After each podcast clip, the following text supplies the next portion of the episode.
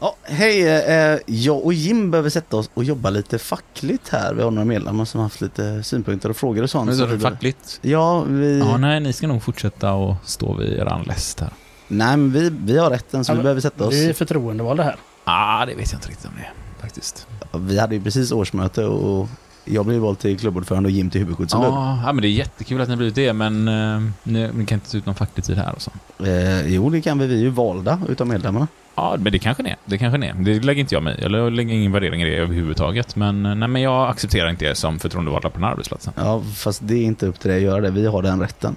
Ja, fast för fundera lite. Har ni skickat in någon information till mig som arbetsgivare här att ni är valda? Ja, nej, det har ni inte gjort. Nej. Det har ni missat. Ja, det har vi gjort. Ja. Det är ju tråkigt för er. kan ni gå och jobba igen. Ja, ja.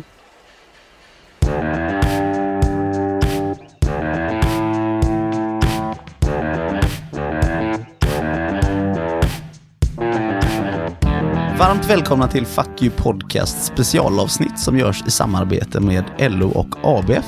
Ja, alltså fuck you podcast med A. Precis. Vi är lite göteborgare vi nämligen. Vilka är vi? Jag heter Sebastian Borssén och är montör och klubbordförande. Mitt namn är Jim Tellefsdal och jag är lastbilsbrottslagare och klubbordförande. Och jag heter Isak Ekblom och är bilplåtslagare och klubbordförande. Och vi är ju alla tre IF Metallare, men driver Sveriges mest lyssnade tvärfackliga podcast.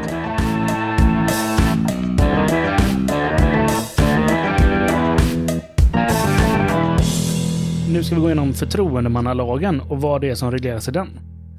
Och paragraf 1-2, det är ju de inledande bestämmelserna. 3-5 är skydd för uppdraget. 67 är rätten till ledighet. Paragraf 8, företräde till fortsatt anställning.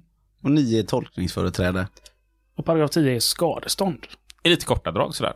Ja. Men här tänkte jag att jag skulle vilja börja dra en liten, liten rad ur propositionen till den här lagen också. Och nu vet ju inte vi vilken ordning ni lyssnar de här avsnitten på här. De här specialavsnitten. Så att propositionen, det är ju det lagförslag som låg till riksdagen när man beslutade om att införa förtroendemannalagen. Men det är nämligen så att i det här förarbetet så benämner man inte bara facklig verksamhet som någonting på arbetsplatsen, eller någonting som vi arbetar rätt till, utan man, man pratar om det som ett offentligt intresse. Och de fackliga organisationerna ska uppfattas inte bara som intressebevakare, utan också som samhällsbyggare. Och det tycker jag är väldigt tungt att skriva i förorden till lag. Ja, det är en stark skrivning. Så det betyder att det här självförtroendet vill vi skicka med till er som är förtroendevalda. Att det inte bara Ja, jag är förtroendevald och före, företräder några kollegor. Nej, man är med och bygger upp hela det svenska samhället och hur, hur vi ska utvecklas tillsammans och hur vi ska kunna leva i det här landet. Alltså det är en otroligt viktig roll när man tittar på det juridiskt. Så där startar vi. Förtroendemannalagen, tung lag. Ska vi börja hoppa in på vår första paragraf kanske? Ja.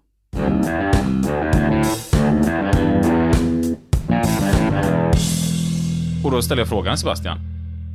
Paragraf 1. Vem är facklig förtroendeman? Ja, det tillämpas på den som har utsetts av arbetstagarorganisationen. Att man ska företräda de anställda på en viss arbetsplats i de frågorna som rör förhållandet till arbetsgivaren. Eller andra med fackligt verksamhet sammanhängande frågor.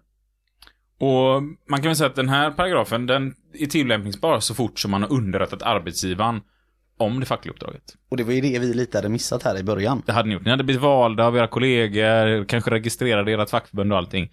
Men har man inte talat om för företaget att det här är de förtroendevalda personerna, så gäller inte förtroendemannalagen. Så det där är liksom Tips ett liksom. tips ett. Och nu går ni en grundutbildning här. Eh, har ni gjort det själva? Eller har eran MB-grupp, eller eran sektion, eller eran klubb, eller vad ni nu... Eller om ni bara är arbetsplatsombud eller förtroendevald på arbetsplatsen. Har ni rapporterat in detta? Har någon gjort det? Börja kolla upp det. Paragraf 3, så skyddas det fackliga arbetet. Och det är alltså att en arbetsgivare får inte hindra en facklig förtroendevald att fullgöra sitt uppdrag. Och man ska också ges tillfälle att disponera lokal eller annat utrymme som behövs för den fackliga verksamheten. Ja, precis. Alltså, man kanske inte har rätt till att eh, ha ett eget kontor eller ett eget klubbrum, men man ska ha möjligheten att låna det när man arbetar fackligt.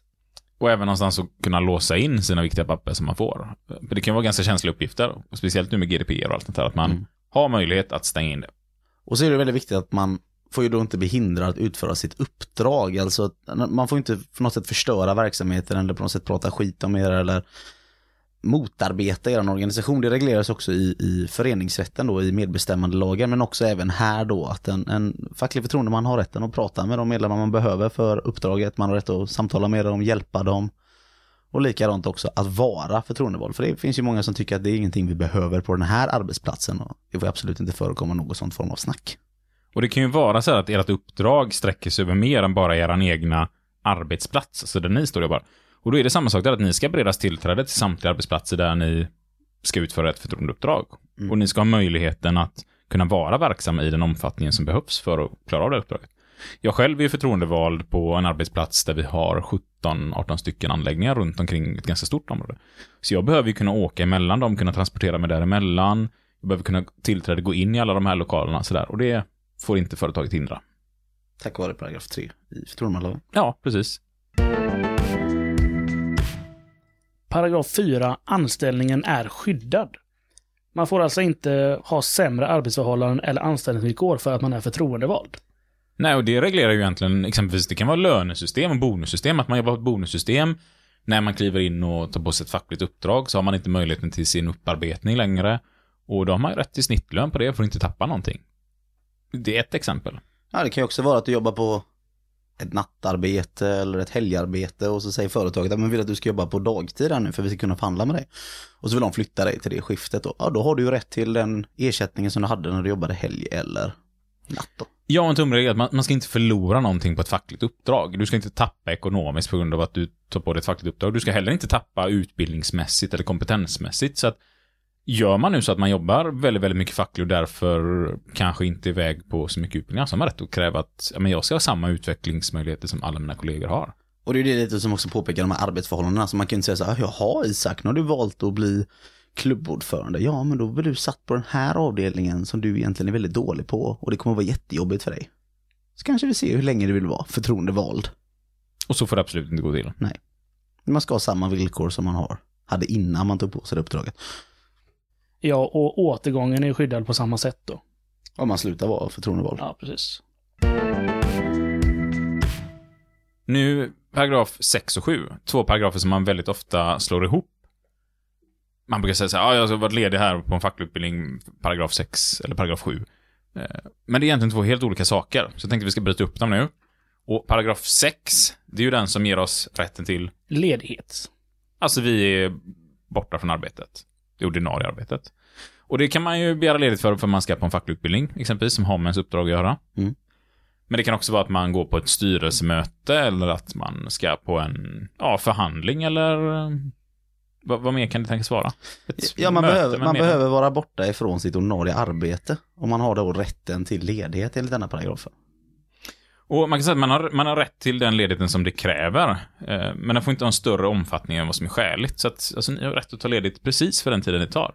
Och det är, man kan inte sätta en tid på detta, för det är så extremt varierande beroende på vilken arbetsplats, vad är det för problem som har dykt upp. Vad är det för fel företaget? Hur lätt brukar det vara att diskutera med företaget? Ja, men kommer man från ett företag där de aldrig någonsin gör fel och så fort de gör ett fel och man påtalar det så löser de det med en gång. Och då blir det inte mycket facklig tid. Nej. Men kommer man från ett företag där allt alltid blir liksom en kamp om varenda liten fråga, men då blir det väldigt mycket tid för minsta lilla fråga. Så Mm. det är svårt att sätta ett ord på hur mycket ledigt har man rätt till. Mm. Paragraf 7 då, det är ju rätten till betalningen när vi är iväg. Alltså den som ger oss rätten till att är det nu så att man är iväg på en facklig utbildning som reglerar Arbetsplatsfrågor egentligen. ja, förhållandet mellan arbetstagarorganisation och företaget. Då har man rätt till betalning under det. Och bibehålla anställningsförmåner. Så man ska i praktiken räknas som instämplad på sin arbetsplats. Fast man kanske inte är på jobbet en dag. Ja, precis. Och det brukar pratas om exempelvis förlorad förtjänst. Att vi ska ha det vi skulle haft om vi jobbar. Så snitt på bonusen, om det nu är natt, OB-tillägg, sådana här grejer. eh, Jourtillägg, allt sånt ska vi få ut när vi går in och tar ledigt från den här tiden. Så ni ska ha det ni skulle haft när ni var lediga. Så paragraf 6, rätten till ledighet. Paragraf 7 har ju också rätt till betalning under den här ledigheten. Paragraf 9, tolkningsföreträde vid tvist. Det här är alltså arbetstagarorganisationen som har tolkningsföreträde om man ska tvista i den här frågan. Alltså det är vårat ord som gäller fram tills tvisten är löst. Dan, pratar vi dansen tvist? Nej, här pratar vi om eh, alltså själva konflikten då som uppstår i hur man ska tolka den här lagen. Alltså Ja, det, kan vara, twist, ja. det kan vara att ni har begärt ledigt för ni behöver gå en utbildning exempelvis. Ni har blivit eh, förtroendevald och ni behöver lära er lagarna. Då säger arbetsgivaren nej det här är inte förenligt med förtroendemannalagen. Och då säger ni jo det är det visst det. Och så säger arbetsgivaren nej det är det inte. Men då får ni prata med ert fackförbund och så får de avgöra om man får lägga en tolkningsföreträde i den här frågan eller inte. Så det får alltså inte ni göra själva utan ni måste alltså kolla med någon högre upp som man säger. Och fortsättningen här på paragraf 9 heter 9a. Och den reglerar då, har man nu fått tillträde till arbetsplatsen som facklig förtroendeman, Mm. då har också det här företaget man kommer in på rätten att förhandla kring tystnadsplikt. För att när man får tillgång till den här informationen så har också företaget rätten att säga att det här vill vi förhandla om en tystnadsplikt på. Mm. Men märk orden här nu, förhandla kring det. Det betyder inte att de har rätt att kräva tystnadsplikt på allting, utan vi ska ju bara gå med på en tystnadsplikt under kanske en viss tid och då ska vi bestämma, ja, det är under, under den här tiden det är tystnadsplikt på det. Från vilka? Vad är det som är tystnadsplikt? Varför är det tystnadsplikt? Vad, vad är det inte vara syftet med det? det? De har en vit dörr liksom. Är det tystnadsplikt på det? Det är ju väldigt viktigt att man får reda på vad är det tystnadsplikten på.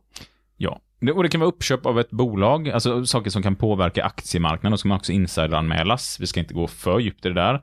Det kan vara stora ekonomiska frågor eller kundärenden. Det kan ju, inom sjukvården kan det vara saker och ting som, som, som, som är av känslig karaktär. Men då bestämmer man också att det är under en viss tid som det här ska hållas hemligt. Och då har man ju rätten att lyfta det i sin styrelse eller i sin MB-grupp eller i sektionen eller med de förtroendevalda man normalt sett arbetar med. Så det betyder att man har en personlig tystnadsplikt och då får man ju med sig den tystnadsplikten till hela organisationen. Mm. Ja, då måste man också meddela det till arbetsgivaren att ja. jag har berättat det för den här personen och den omfattas nu också om tystnadsplikten.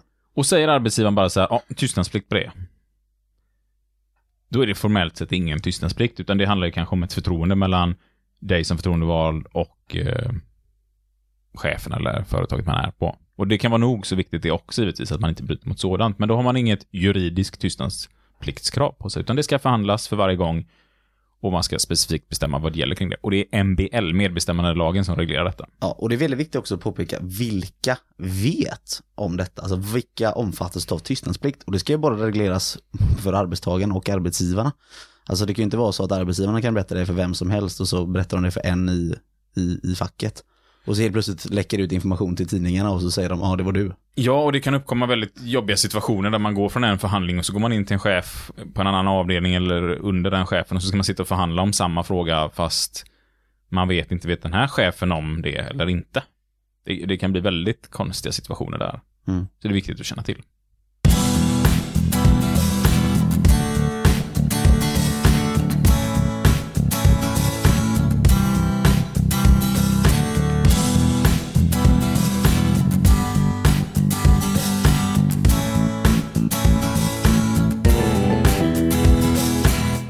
Ja, Det, det var nog de paragraferna vi ville gå igenom nu under förtroendemannalagen, va? Det är ju inte den längsta eh, arbets... Det är bara 12 paragrafer. men ack så viktig. Verkligen, verkligen. Men vi har också lite sådana här, alltså viktiga sådana här tips även till den här lagen som tänkte vi ska gå igenom här på slutet. Och det är mycket av det här brukar komma mycket frågor när man håller utbildningar från Mm. deltagarna. Vad vill vi börja? Alltså finns det en skriftlig underrättelse om uppdraget till arbetsgivaren har man alltså meddelat arbetsgivaren vilka som har ett fackligt uppdrag på arbetsplatsen. Och vi brukar kalla det konstituering. Ja. Har man skrivit en konstituering och skickat in den till företaget, då, då är det klart. Det behöver inte vara svårare än så. Skicka det som ett mail så, så vet ni att den har kommit fram. Ledighetsansökan. Skicka den i så god tid som möjligt. Alltså vet ni att ja, de kan bara skjuta på det i 14 dagar, men ni vet en månad innan eller två månader innan att ni ska iväg på en facklig utbildning eller något sånt där. Sitt inte och håll inne på den, utan skicka den med en gång. Det får ju vara lite givande och tagande här. Är kursen att anse som facklig verksamhet i FMLs mening? Eh, och då kan vi ta till exempel så när vi håller en fotbollsturnering från IF Metalls håll. Mm. Eh, det är ju inte en facklig verksamhet. Nej, även om det nu skulle vara då exempelvis IF Metall som håller i fotbollsturneringen så är det fortfarande inte en facklig utbildning i lagens mening. Nej, precis. Behövs den tid som begärs för att en förtroendevald ska kunna delta i kursen? För det kan ju vara så att man behöver åka någonstans exempelvis. Eh, säg att man eh, bor i Göteborg och ska gå på kurs i Stockholm. Då kan man inte säga, då kanske man behöver åka upp kvällen innan eller dagen innan eller vad det kan vara. Men man kan inte säga att jag behöver vara borta två veckor på grund av det här. Om man ska gå en kurs i två dagar. Nej, utan det ska vara skäligt. Och Ja, restid är ju skäligt. restiden är absolut skälig. Och det kan ibland vara inskrivet i många kollektivavtal också, så det kan vara också viktigt att titta på vad gäller kollektivavtalet. För det kan vara, man kan ha rätt till mer restid eller mindre. Mm. Nej, mindre kan man inte, men mer restid kan man ha rätt till. Och när man pratar om det här med ledigt för fackligt arbete, beroende på liksom hur, my- hur mycket, hur många, hur många fackliga kan man ha? Kan man jobba heltid fackligt? Alltså hur mycket facklig tid kan jag ta ut? Det det är ju så extremt svårt att svara på. Det finns ju inget avtalat eller skrivet där, utan som vi var inne på här innan, det handlar ju helt och hållet om hur är det på arbetsplatsen där man arbetar. Men en liten sån här tumregel brukar vara att man brukar diskutera en heltidsanställd, eller inte en heltidsanställd, en heltidstjänst på 100 anställda ungefär. Ja, sen kan man fördela den olika på flera personer. Eller på en person. Ja, det kan vara fem personer som jobbar Men då 20 syftar man procent ju exempelvis. Facklig verksamhet och inte för skyddsverksamheten, det man beskriver. Alltså Nej, en det är väldigt klassisk, viktigt. eh, För den regleras ju i arbetsmiljölagen, så det är, skyddsuppdragen är helt annan facklig tid. Mm. Eller egentligen inte facklig tid. Inte facklig tid alls. Utan det är skyddstid. Mm. Så att nu pratar vi facklig verksamhet. Och, så att håll isär de begreppen och börja räkna lite på hur många är vi på morgonen och utgå ifrån någonting i alla fall, så har man någonting att börja räkna på. Sen brukar man prata, är ledigheten skälig med hänsyn till de förhållanden på den förtroendevaldes arbetsplats? Och det är klart, jag brukar alltid tänka så här, hur många arbetsgivare anställer två, tre, fyra, fem personer extra bara för att man ska kunna ha facklig verksamhet? Det, det tror jag inte, utan de flesta arbetsplatserna jobbar med ganska slimmade modeller.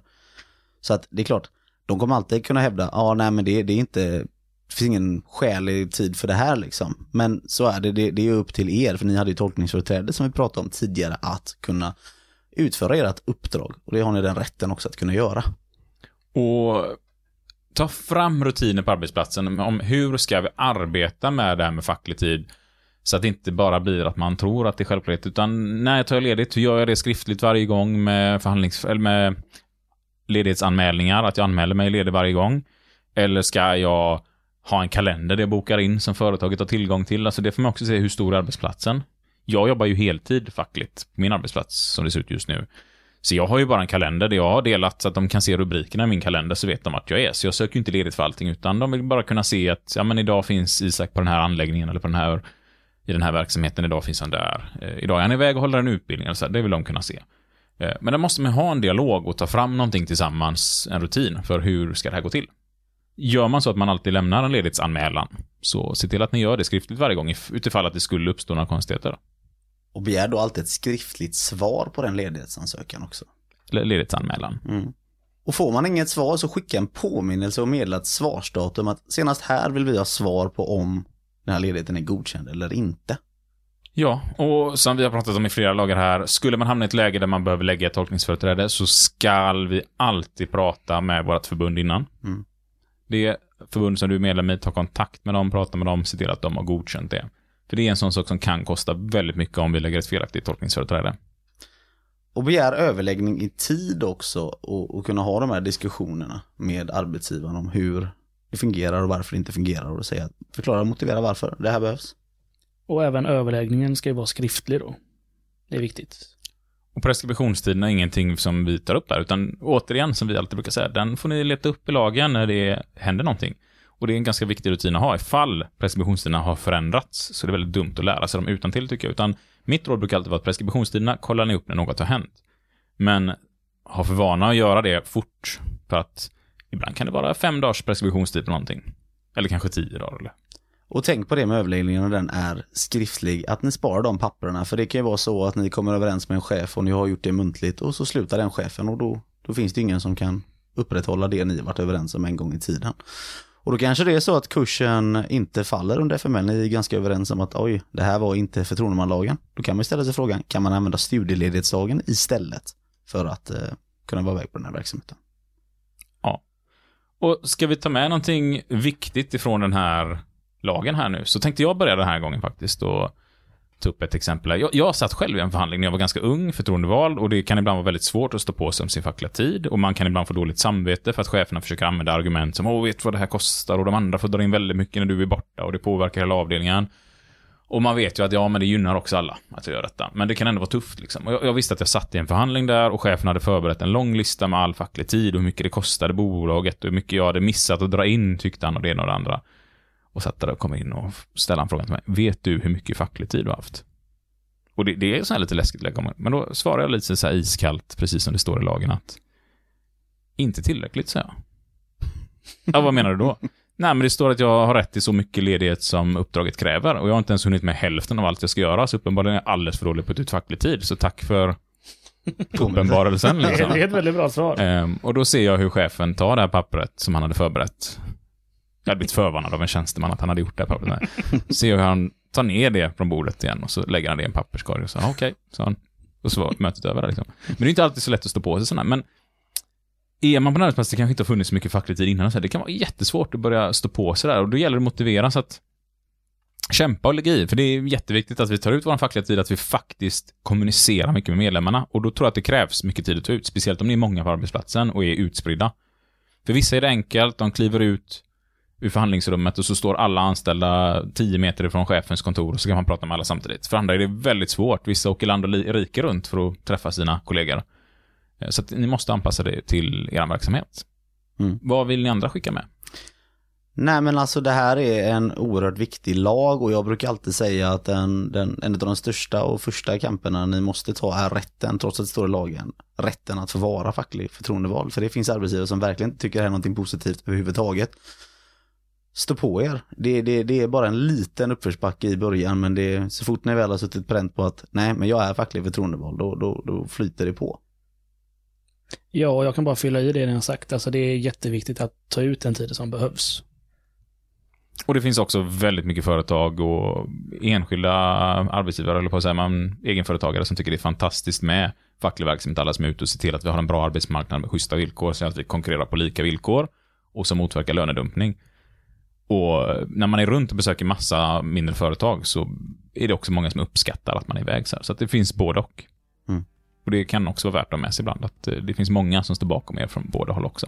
Om man känner att det här var väldigt intressant med förtroendemanlagen, om man vill veta lite mer då, vad gör man då? Då går man fler fackliga utbildningar. Men medan man, innan man går nästa, så passar man på och så går man in på någon sån här streamingtjänst. Och vad ska man söka på då? Fuck you podcast med A. Och då går vi igenom det här lite djupare. Ja, i några timmar tror jag. Ja.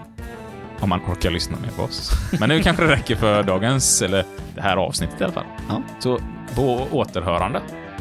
Ha det fint! Ha det gött! Ha det! Hej.